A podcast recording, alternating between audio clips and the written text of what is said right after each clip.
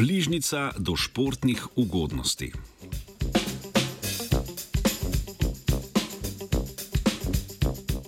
Redna telovadba krepi telo, močno pa pripomore tudi k pravilnemu delovanju možganov. Raziskovalci in raziskovalke z medicinske fakultete Univerze v Stanfordu v reviji Nature poročajo, da bi bilo možno koristi telovadbe za možgane celo prenesti z aktivnih na neaktivne miši in sicer s prenosom plazemskega proteina imenovanega klusterin.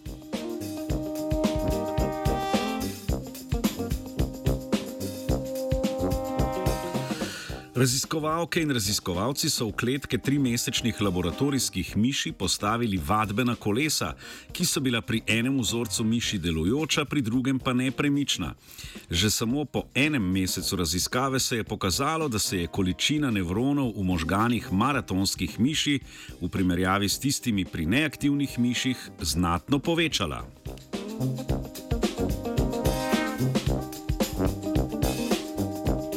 Raziskovalna skupina je zbrala vzorce krvi aktivnih in neaktivnih miši. Na to so vsake tri dni določenemu vzorcu neaktivnih miši s transfuzijo injicirali plazmo, torej kri brez celic, izolirano iz aktivnih miši, v drugem vzorcu pa plazmo neaktivnih miši.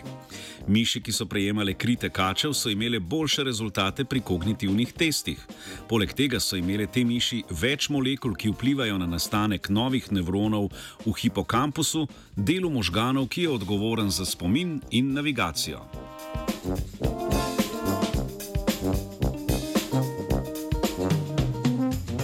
Ekipa iz Stanforda je preverila tudi ravni beljakovin v krvi in opazila razlike v razmerju med beljakovinami, ki so bile prisotne v krvi aktivnih oziroma neaktivnih miši. Pri aktivnih miših so določili več beljakovin, ki delujejo proti nevrovnetju v možganih. Slednje lahko dolgoročno povzroči nevrodegenerativne bolezni. Odstranitev enega samega proteina, imenovanega klasterin, iz plazme maratonskih miši je večinoma izničila njegov protivnetni učinek na možgane neaktivnih miši. Nobena druga beljakovina, ki so jo znanstveniki podobno testirali, ni imela enakega učinka.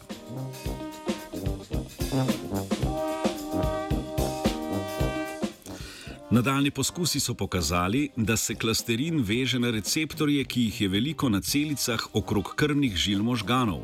Prav te celice so vnete pri večini bolnikov z Alzheimerjevo boleznijo. In čeprav so klosterin prenašali v miši prek krvi zunaj možganov, je sam lahko omilil unetje možganov pri dveh različnih sevih laboratorijskih miši, pri katerih je bilo prisotno bodi si akutno unetje celotnega telesa, bodi si kronično nevrounetje povezano z Alzheimerjevo boleznijo.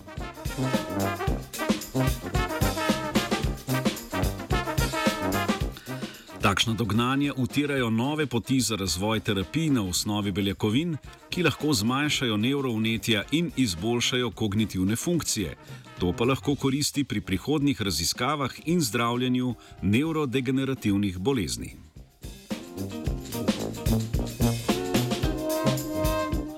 Lene Miške je prebudila Iza.